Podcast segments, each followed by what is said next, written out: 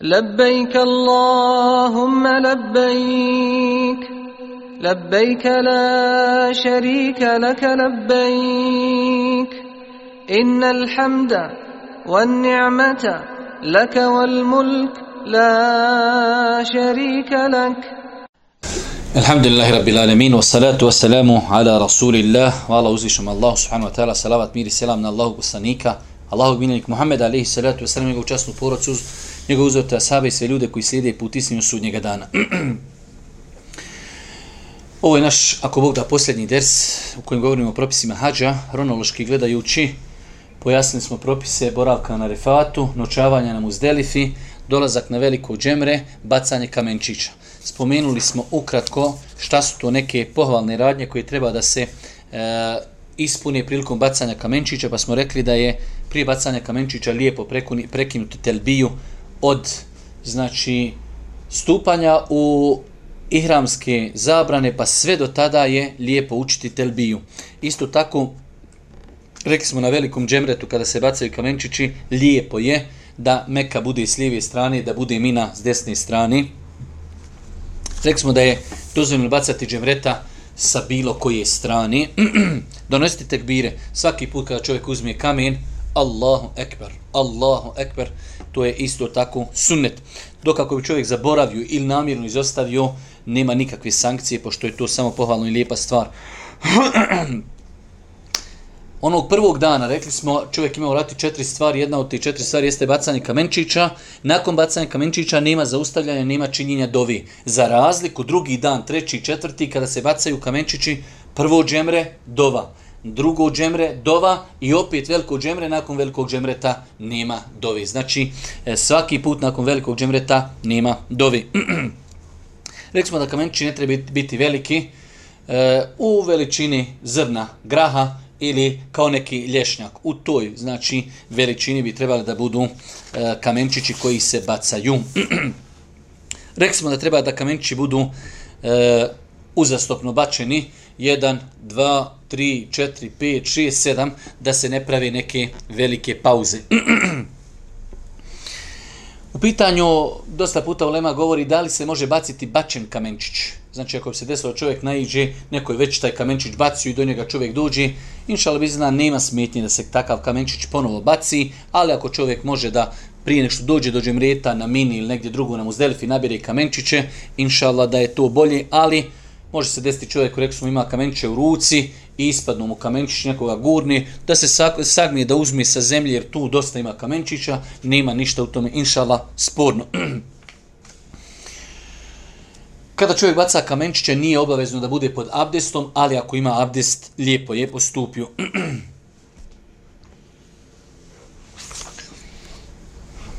Rekli smo ako čovjek bude u nedoumici koliko je bacio, zato je najljepši kad bacimo kamenčić, izgovoriti broj. Bismillah, Allahu Ekber, jedan. Allahu Ekber, dva. Allahu Ekber, tri i tako. Ali ako bi čovjek bio u sumnji, jesam li bacio četiri ili pet, onda ćemo uzeti da smo četiri. Jesmo li sedam ili šest, bacili smo šest i onda ćemo upotpuniti onoliko koliko treba.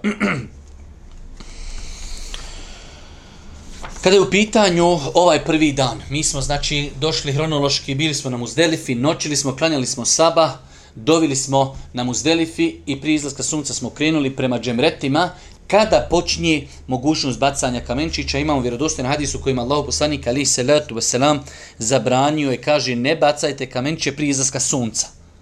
Tako da Allah najbolji zna ima stavova da se može bacati već od pola noći ili da se može pa bacati od nastupanja zori, ali u svakom slučaju ono što je najispravniji, najšto je bolji, već ako je čovjek klanja u sabah, dovio, tamam dok dođe sunce će izići, tako da je to najispravnija i najbolja verzija, tako je radio Boži poslanik, a imamo s druge strane jasan hadis da je Boži poslanik zabranio bacanje kamenčića prije izlaska sunca.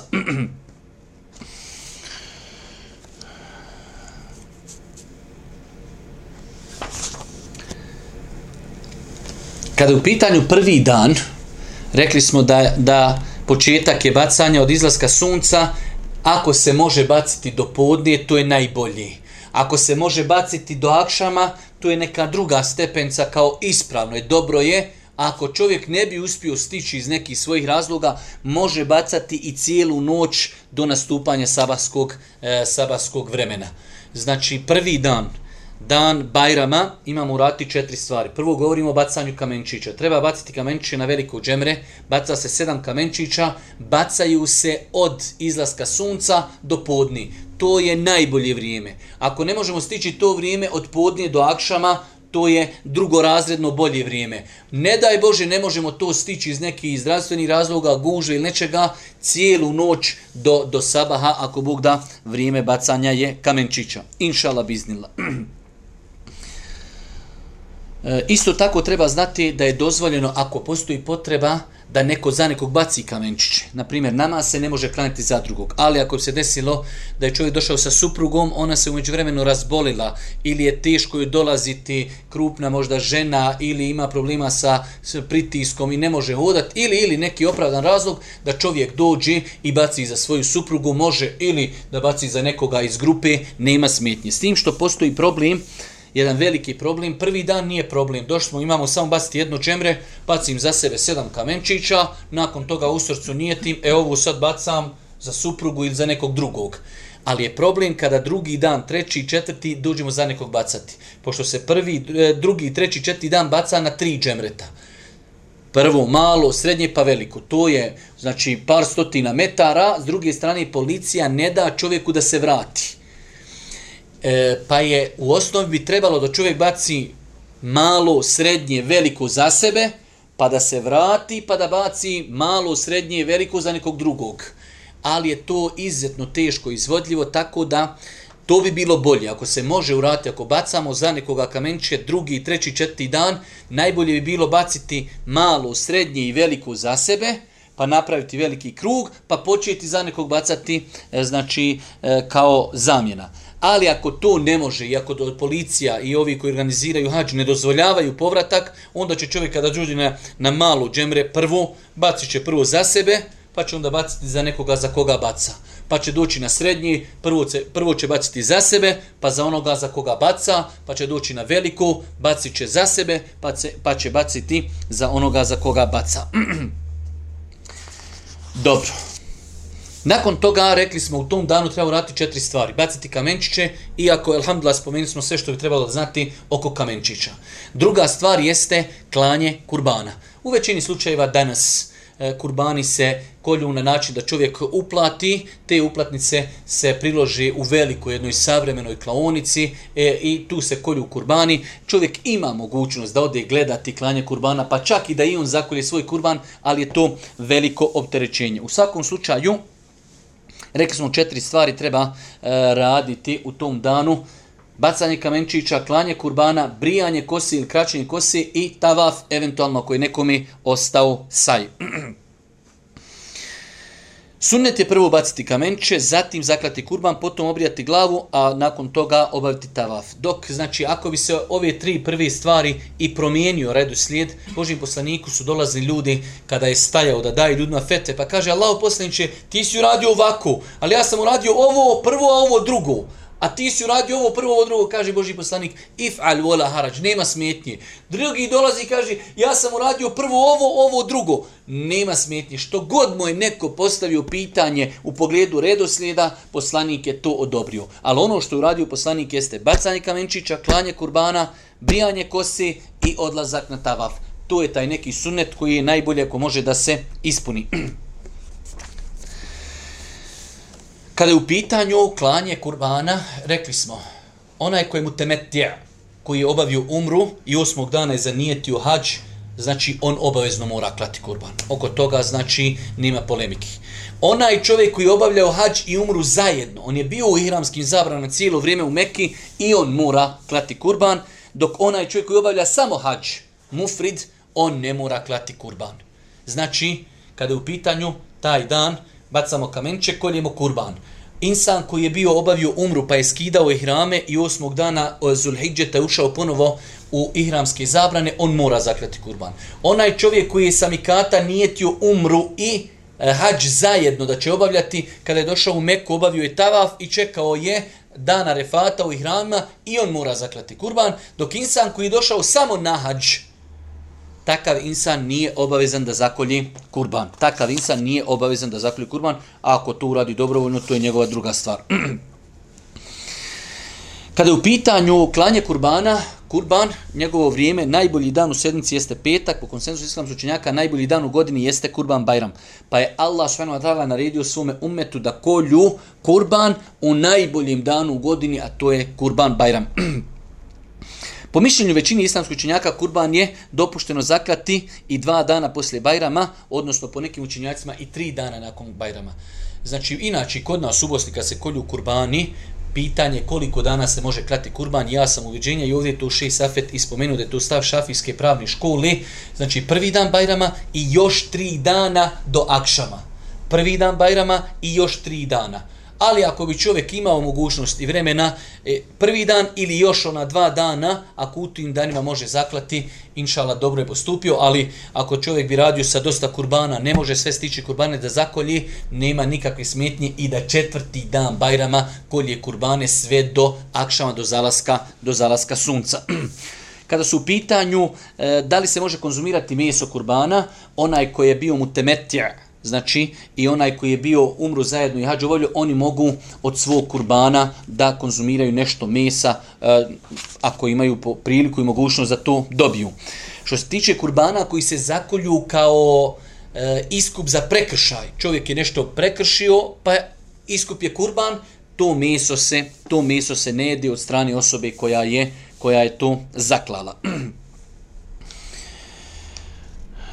Pohvalno je ako može stići čovjek koji na hađu da lično zakolje kurban, a rekli smo u današnje vrijeme da većina tih kurbana se zakolji u to jednoj velikoj savremenoj klaonici za kurbane. Nekada prije, ne znam da li koliko, 20, 30, 40 godina, e, stotine i hiljade kurbana bi se na mini zakolji i tu bi se ostavilo, pa bi ljudi dolazili, uzimali, nosili, vješali mesa, e, zato čak neki kažu, e jamu tešerik, Ta tri dana nakon Bajrama se su se izvali zbog toga što su ljudi uzimali meso i vješali ga nako po, po drveću da se ono malo osuši.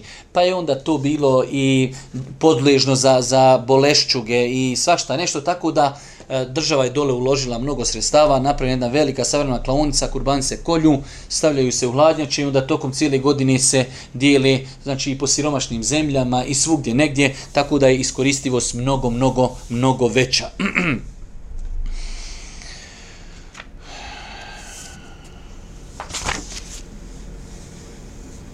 kada je u pitanju e, čovjek je ošao na hađ i on će dole klati zato što kolje kurban, onaj hađijski kurban u smislu zato što je obavljao e, hađ mu temetiju, da li on treba i kod kuće klati kurban, nije obavezan. Znači onaj, hađ, e, onaj kurban koji kolje u Mekki, to je inšala dovoljno. E ako bi čovjek rekao ja ću ostaviti nekoga iza mene da u Bosni mi zakolje ili negdje drugo da zakolje za mene kurban, on nije, nije pogriješio. Ali da li mu je obaveza? Nije mu obaveza. Ako čovjek je od ove dvije vrste hađa, gdje se mora zaklati kurban, mutemetja i karin, kaže ja moram zaklati, ali nemam para. Ko što se nama znalo studentima nekada desi, to obaviš hađ, ali nemaš da obaviš. Onda Allah Žešanu kaže u Kur'anu, e, فَثَلَاثَتِ أَيَّامٍ فِي الْحَجِّ وَسَبَعْتٍ إِذَا رَجَعْتُمْ تِلْكَ أَشْرَةٌ كَامِلَ Ne može čovjek zaklati kurban, a obavio temetu hađ, nema para, onda takav čovjek posti tri dana, tri dana dok je u Meki i sedam dana kad se vrati deset dana i to je iskup znači za taj kurban kojeg treba zaklati. Odmah prvi, prvo pitanje koji se namiče, a to je od kad postiti te dane? Od momenta kada uđe uh, na, na Mikatu u propise i hrama, znači on ima vremena da posti ta tri dana. Zato su učenjaci kazali i na refatu takav insan može postiti. Čak dani tešrika posle Bajrama, ta tri dana boravka na mini se zovu dani tešrika, oni u osnovi se ne posti. Ali takva osoba koja nije zaklala kurban može u ta tri dana isto da posti. Samo ona. Jer u drugim hadisma je došao Boži poslanik da kaže dani tešrika su dana jela i pića. Ali takva osoba koja je došla na hađ, bio je mu temetija, bio je karin, treba zaklati kurban, nema novca ili nije mogu naći kurban, u takvom slučaju će postiti tri dana u Mekki i sedam kad se vrati kući ne mora postiti dan za danom kako stigni. Ako bi se desilo da nije uspio ispostiti dole tri dana, jer bio bolestan ili nije mogao vrućine, postiće kad dođe kući sedam dana, e, deset dana, ali treba se potruditi. U svakom slučaju, znači, dani e, boravka na mini, znači, zovu se dani tešrika, u njima nije dobro postiti, osim čovjeku koji treba zaklati kurban, a ne može zaklati kurban, oni i u tim danima mogu da posti. Nakon toga, znači rekli smo četiri tvari se trebaju rati taj dan, idemo, bacali smo kamenče, govorili smo o svim propisima bacanja kamenčića, klanje kurbana, završili smo propise klanja kurbana, nakon toga brijanje i kraćenje kosi. Juče smo, kad smo govorili o tavafu, pasaju, govorili smo konkretno o brijanju i kraćenju kosi. pa smo rekli da imamo tri vrste ljudi koji obavljaju hađ, onaj čovjek koji je temetu obavljao, on je prije dva, tri dana obavio umru, njemu je bilo dobro da skrati samo kosu kako bi baš sad za 2-3 dana imao šta da obrije. Dok uh, E, čovjek koji je obavljao hađ i umru zajedno i koji je obavljao samo hađ, oni do sada još ništa nisu brijali, oni sada prvi put idu kod brice ili će se brijati ili će kratiti kosu sa svim onim propisima koje smo juče i prekuće spominjali. Znači u danu Bajrama radimo četiri stvari, bacamo kamenče na prvo džemre, to smo završili, koljemo kurbane, to smo završili, brijemo glavu ili kratimo kosu, pa smo rekli u pogledu toga imamo dvije vrste ljudi. Imamo ljude koji su prije nekoliko dana obavili umru, njima je bilo bolji da skrate kosu kako bi taj dan mogli opet nešto ili skratiti ili obrijati, a ovi drugi koji obavljaju samo hađ i hađ i umru zajedno, el qarin, oni znači tek tada prvi put e, briju se i samim tim brijanjem ljudi izlaze iz ihrama. To je znači veselje, to je pa, bajram na bajram jer ljudima, pogotovo nama koji nismo navikli, jednostavno hodanje u hramima je malo nezgodno i isprljamo se i spada nam i svašta nešto. Ljudi jedva čekaju da iziđu iz hrama. Znači kada čovjek obrije kosu i kada baci kamenč, kada baci kamenče i obrije kosu, kurban se inšala kolje u klaonici, on samim tim smije skinti hrame, smije se namirisati, smije znači sve osim jedne stvari ne smije sa ženom intimno spavati i zato se to zove tehallul asgar, izlaženje, dijelimično izlaženje iz ihramskih zabrana. Treba još da odje tavafit i saj, tada će potpuno izići svih zabrana. Znači, e, na dan Bajrama, ponavljam, ovo je mnogo bitno, imamo urati četiri stvari. Imamo baciti kamence, če bacili smo i prvu zaklati kurban, to će uraditi za nas klaonica, brijemo kosu ili kratimo i samim tim imamo pravo skinuti i hrame, obući svoju odjeću, namirisati se, istuširati se i samim tim nam je sve postalo dozvoljeno osim ženi intimnog kontakta. Nakon toga idemo obaviti tavaf, ako hoćemo odma, a vi ćemo poslije, možemo i odgodati dan ili dva. Ali sve dok ne završimo taj tavaf, ne smijemo se približavati ženi. Ali je nama, kao u većini slučajeva s našeg govornog područja, ljudima je najbitnije da se riješi, da se riješi i hrama, da ne moraju brinuti o noktu, da ne moraju brinuti o kapi, da ne moraju brinuti o mirisu, da ne moraju brinuti o sapunu i tako dalje. Tako da, kada uradimo ove tri stvari, znači mi izlazimo iz ihramskih zabrana, idemo u hotel, skidamo ihrame, oblačimo svoju odjeću i od sunneta je prvog dana da se sve obavi, da se ode na tavaf. Ja lično to ne radim, u većinu slučaja prvi dan je najveća gužva, ali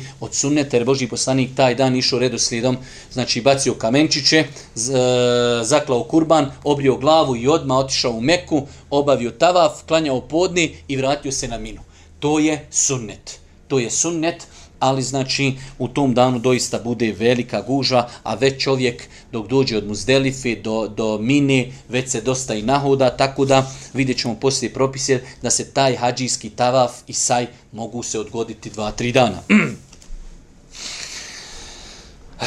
Dobro, znači ima dosta različitih stavova u pogledu čime se postiže to e, djelimično izlaženje iz ihrama. Neki sami kažu dok baciš kamenčiće, ti, znači, te ihramske zabrane prestaju, neki kažu moraš urati i brijanje glavi, neki kažu moraš urati i kurban i sve, ali je ispravno, inšala, ove tri stvari, ako se urade, znači, odnosno dvije mi stvari uradimo, za nas će urati neko treću, mi, inšala, biznila, skidamo, e, sa, skidamo sa sebe ihrame i na nas se više ihramske zabrane ne odnosi osim intimnog kontakta sa suprugom.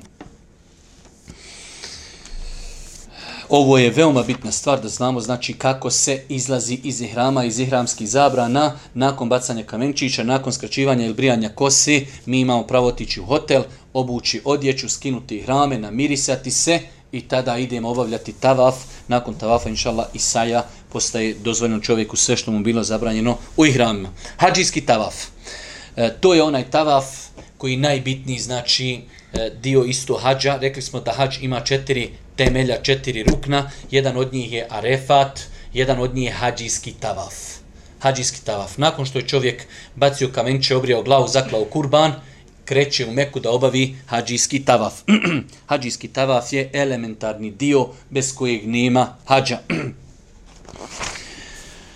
Što se tiče, sjećate se kad smo, ja mislim, prekućer, ne juče, već prekućer, juče smo govorili o saju, prekućer smo govorili o propisima tavafa i govorili smo šta je obavezno, šta je pohvalno, šta je lijepo. Svi propisi tavafa, onoga kad se dođe u meku, takozvani pozdravni tavaf, isti su propisi ovog tavafa. Isti, da ih ne ponavljam, osim dvije stvari.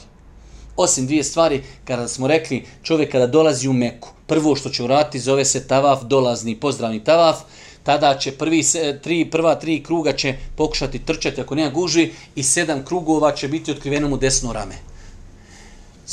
Tamo ta dva propisa ne važi za ovaj tavaf. Sve ostalo važi. Znači, kada dođemo raditi hađijski tavaf, nakon što smo bacili kamenčiće, obrijali glavu, zaklali kurban, nećemo otkrivati desno rame i nećemo prva tri kruga trčati sve ostalo što smo govorili od propisa, od obavezi, čak i sam Šisafet je tu, znači rekao da je se o tome prija govorilo, tako da se tu nema nikakve potrebe spominjati.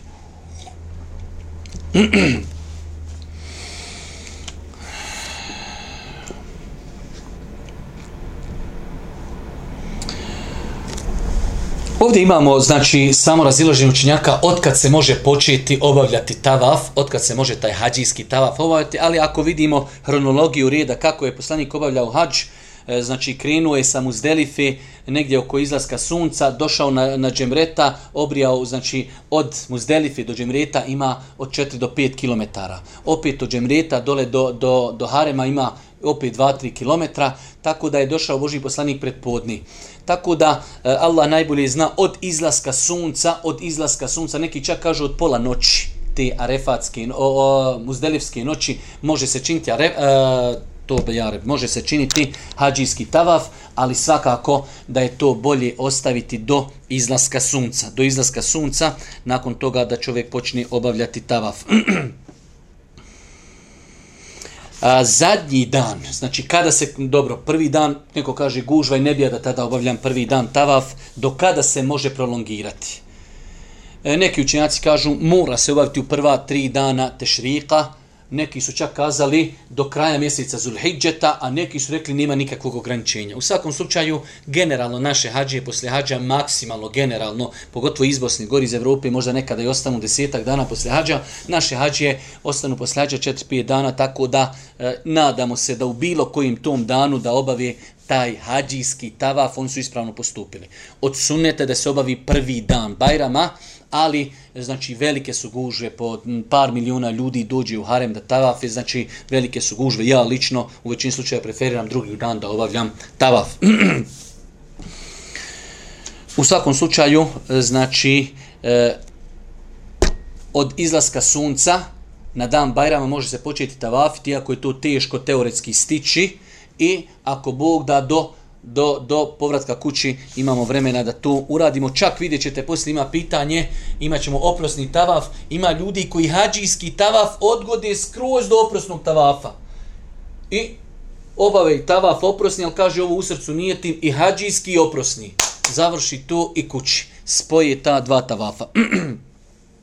Nakon završetka hađijskog tavafa, hađi je pohvalno da se napije vode zemzem. Nakon, znači, što je čovjek obavio tavaf, napije se vode.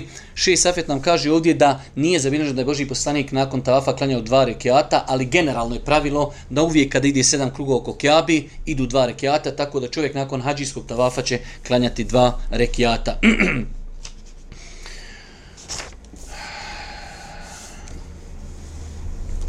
Čisto jedno pitanje, jer velik broj ljudi koji idu na hađe su žene. A žene, vi znate da jednu mjesečnu imaju mjesečnicu, I Allah je dao baš supruga Božijeg poslanika Aisha da je kad je krenula nahađ dobila je mjesečnicu pa je njen primjer, primjer žene koja ide i nahađ da je Božijeg poslanika i rekao radi sve što radi hađe, sam nemoj tavav činiti. Možeš biti na refat, možeš biti na muzdelif, možeš bacat kamenčiće, možeš obaviti saj, ali saj se ne može sam obavljati, sve osim tavafa. Dobro, to je generalno pravilo. Žena kad je na mikatu u mjesečnici, ona mora zanijetiti, čeka dok se okupa pa će nastaviti sa ostalim propisima. Ali imamo problem, žena je primjera radi na muzdelifi dobila mjesečnicu. I sutra dan treba da radi tavaf, ona nije čista. I još tri dana nakon toga će biti u Meki i odoši njezina, njezina kompanija s kojom došla ide. Ona još se nije mogla očistiti nikako. Teoretski žena u većini slučaja 6-7 dana bude u mjesečnici. Šta će takva žena uraditi?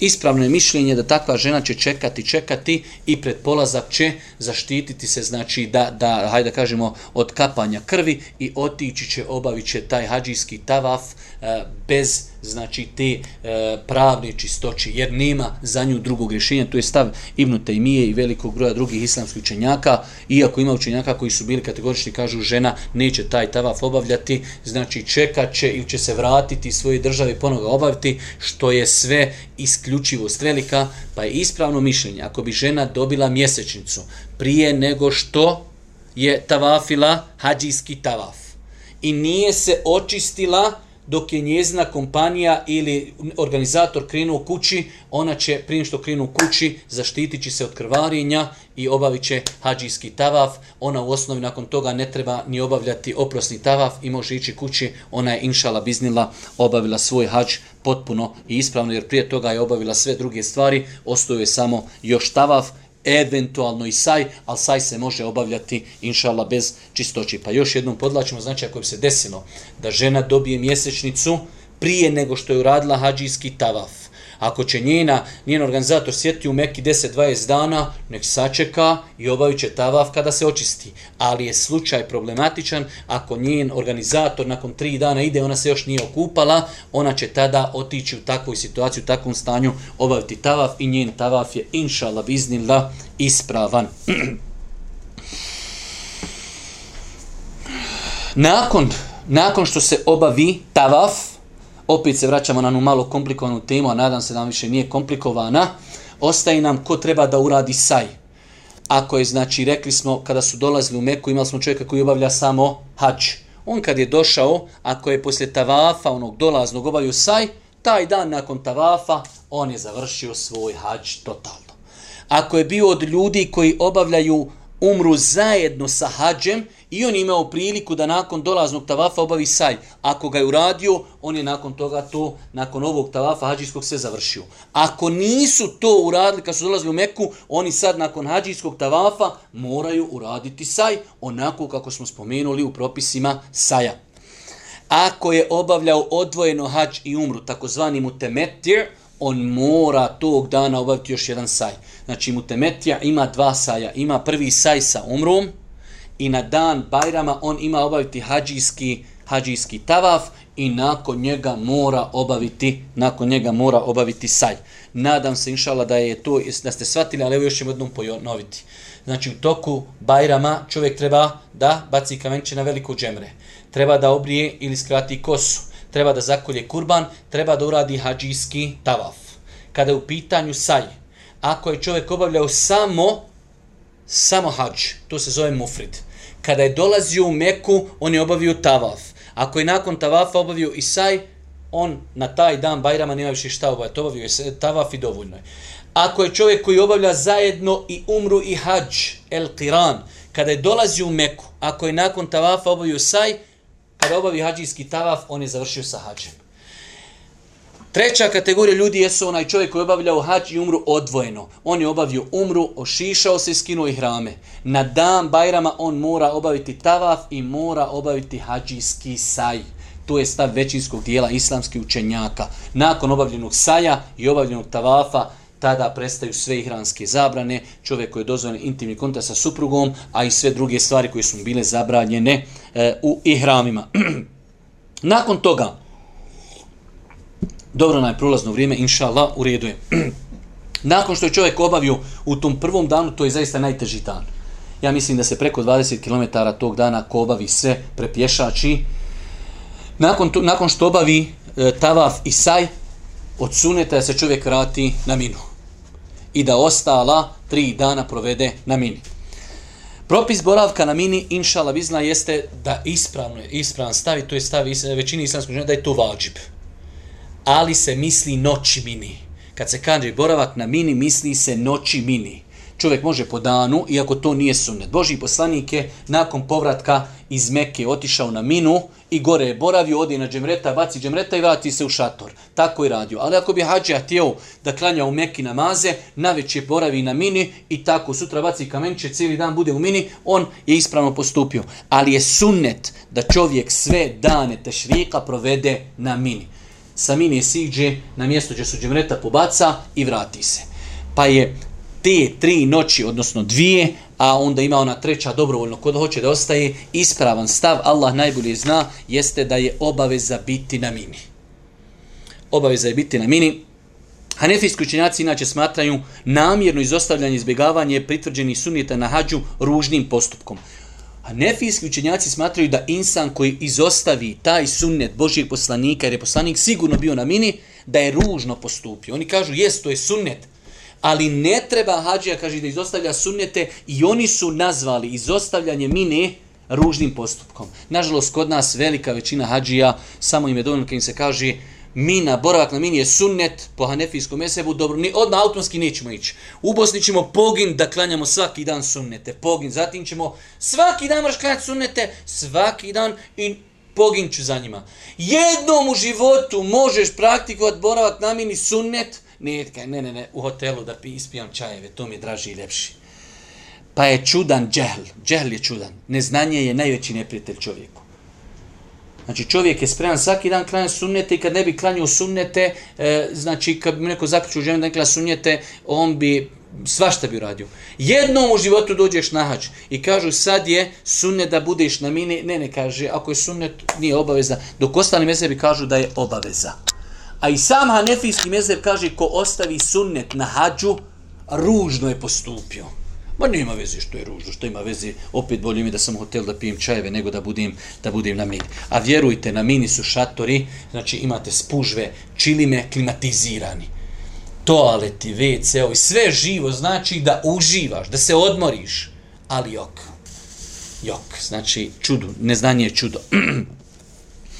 pa znači, e, to je bio dan Bajrama, obavili smo tavaf, obavili smo saj, vratili smo se na minu. Nakon toga i slijede tri dana tešrika, tri dana boravka na mini. Allah Đeršanu u Kur'anu kaže وَذْكُرُ اللَّهِ فِي أَيَّامٍ مَعْدُودَتْ فَمَنْ تَعَجَّلَ فِي يَوْمَيْنِ فَلَا إِثْمَ عَلِهِ وَمَنْ تَأَخَرَ فَلَا إِثْمَ عَلِهِ لِمَنْ اتَّقَ I Allah spominite u danima određenim, a onome ko požuri, pa to učini u dva dana, kaže, nije grijeh. Kao što nije grijeh ni onome ko još ostane ako je bogobojazan. Znači, na mini se može biti još tri dana. Može se napustiti mina nakon dva dana, tu je taj tađir, požurivanje, a može se ostati tri dana. Poslanik je ostao tri dana. Pa je sunnet na mini ostati sve tri dana. Onaj ko hoće da nakon drugog dana napusti minu, on kad baci džemreta mora izmine izići prije akšama. Znači, na mini se boravi tri dana nakon bajrama. Može se mina napustiti nakon drugog dana, baci se kamenči nakon posljednje podi namaza, ali se mora iz mine izići prije akšama. Ako nas zadesi e, zalazak sunca mi na mine, ostajemo i sutrašnji dan. Osim u slučaju mi htjeli izići, sjeli u auto, u taksi, gužva, gužva, gužva, ili nismo mogli ići, desilo se nešto na putu i mi smo ostali do, do akšama tada nismo, hajde da kažemo, griješni, možemo izići sa mine i ne moramo sutrašnji dan poboraviti na mini. Ponovo porjašnjavam, tu je sve rezime ovi propisa. Nakon Bajrama na mini se može boraviti tri dana. Može se mina napustiti nakon dva dana, drugi, e, prvi dan te šrika, drugi dan te šrika i treći dan te šrika, tek se džemreta baci nakon podnije. Znači prvi i drugi dan bacamo džemreta od podne i do akšama moramo naspustiti minu ako hoćemo da krenemo nakon dva dana. A imamo verziju i to je potpunija i bolja verzija jer je to sunet Božih poslanika da ostanemo tri dana na mini, trećeg dana se kamenčići počinju bacati od podne do akšama da završimo sa bacanjem kamenčića. Nadam se, inšala, da sam vam to uspio rezimirati i da ste to razumjeli. Dobro. Dobro.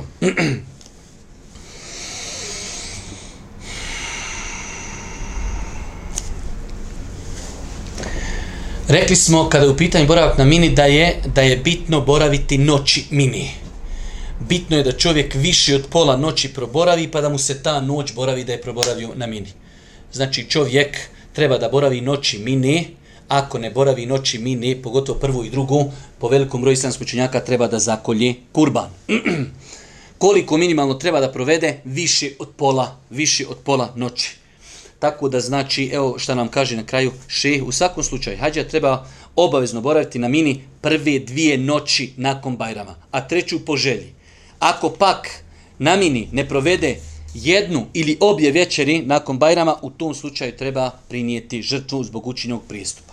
Znači, rekli smo Bajram, vraćamo se na minu imamo obavezne dvije noći, treća je dobrovoljna. Ako čovjek jednu ili, ili dvije ove noći ne bi boravio na mini, takav insan treba po ovom stavu da zakolje kurban. kada u pitanju, kada je u pitanju mina, tu čovjek po cijeli dan samo sjedi. Nema nikakvi posebni propisa, znači učenje Kur'ana, zikr, m, mm, naučni dersovi od podne namaza i, prv, i, e, i prvi dan i drugi, ovo prvi dan nakon Bajrama, prvi dan i drugi dan i treći dan, vrijeme bacanja kamenčića nastupa od podne namaza, do akšama, ako ne može stići do akšama, onda može i na veći, osim treći dan. Treći dan se mora završiti sa akšamom. Dobro.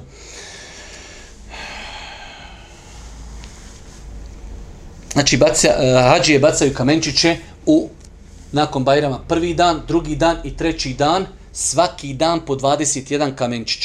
Prvog dana se baca samo veliko džemre, ono je zadnji, drugi, prvi dan, drugi dan, treći dan e, dana tešrika baca se malo, srednje i veliko. Na svako po sedam kamenčića, u jednom danu 21, u drugom danu 21, u trećem danu 21, 63. I prvi dan 7, 70 kamenčića čovjek treba da pobaca u četiri dana. Prvi dan, dan Bajrama 7 i ostala da 3 dana tešrika po 21, na svakom džemretu po 7. Rekli smo da je bacanje kamenčića u ovim danima, ne u danu, prvi dan Bajrama rekli smo od izlaska sunca, a u drugom, prvom danu Tešrika i drugom i treći počinje od nastanka podne namaza. Od nastanka podne namaza, a od sunneta je otići prvo baciti kamenčiće, pa se vratiti na minu i klanjati podne namaz. rekli smo da je najbolje vrijeme ko može baciti u prvom i drugom danu od podne do akšama. Ako čovjek iz nekih razloga ne bi mogao, može cijelu noć do sabaha da baci kamenče, osim trećeg dana. Treći dan od podni do akšama se moraju baciti kamenčići. Čovjek prilikom odlaska na kamenčiće, e, sami tuneli, odlazak, mnogo je tu naroda, jedno od najbitnijih svojstva koja su ljudima potreba na hađu jeste sabur. Znači, vjerujte, najviše što čovjeku treba na hađu jeste sabur. Jer su to velike mase ljudi, na džemretima mnogo, na arefatu mnogo, u tavafu mnogo, na saju mnogo ljudi, neznanje, džehl, ovaj uči naglas, ovaj, meni su ljudi, znači, zapniti kolicima, raskrvariti nogu, staniti na prst, gurnite, e, nema šta se ne dešava. Znači, tako da čovjeku na hađu najviše treba sabur najviše treba sabura. Hadžija svakog dana može kad krini sa džemreta, ima on e, sa mini, kad krini prema džemretima, ima on možda 2-3 km hodanja, pored puta uvijek može naći taj 21 kamenčić i ako Bog da to baci. Dobro.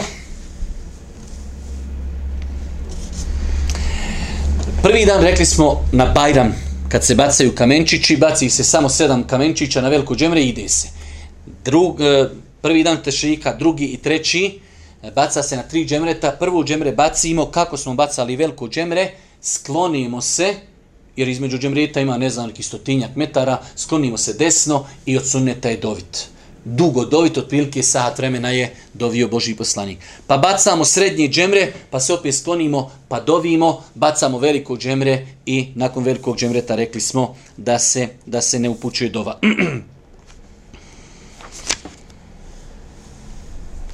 I zadnja stvar, ilhamdulillah, time i završavamo naše, naše ove propise, oprosni tavaf. Znači, hajmo samo kratko da se vratimo, bili smo na refatu, poslije akšama smo krenuli na muzdelifu, na muzdelifi smo stigli, klanjali smo akšam i acinu spojeno i skraćeno sa jednim jezanom i dva ekameta, noćili smo, klanjali smo sabah u prvom namaskom vremenu, Sačekali smo pred izlazak sunca, doveli smo na cijelu muzdelifi, pogotovo ko može da stani kod jednog malog mešćida koji se zove Meš'arul Haram. Meš krećemo prema velikom džemretu, jer na dan Bajrama se baca samo veliko džemre, bacimo veliko džemre sedam kamenčića, idemo, brijemo glavu ili kratimo kosu, kurban će nam neko za nas zaklati, skidamo i hrame, sve nam je postalo dozvoljeno osim intimnog kontakta sa ženama, idemo u Meku, obavljamo hađ, obavljamo saj, ako ga trebamo obaviti, od koje smo vrsti, vraćamo se na minu na mini provode imamo prvi dan, drugi dan, treći dan. Možemo nakon drugog dana otići, ako bacimo kamenčiće i prije akšama siđemo sa mine, uđemo u Meku. E, svaki dan ćemo bacati tri džemreta, malu, srednji i veliku.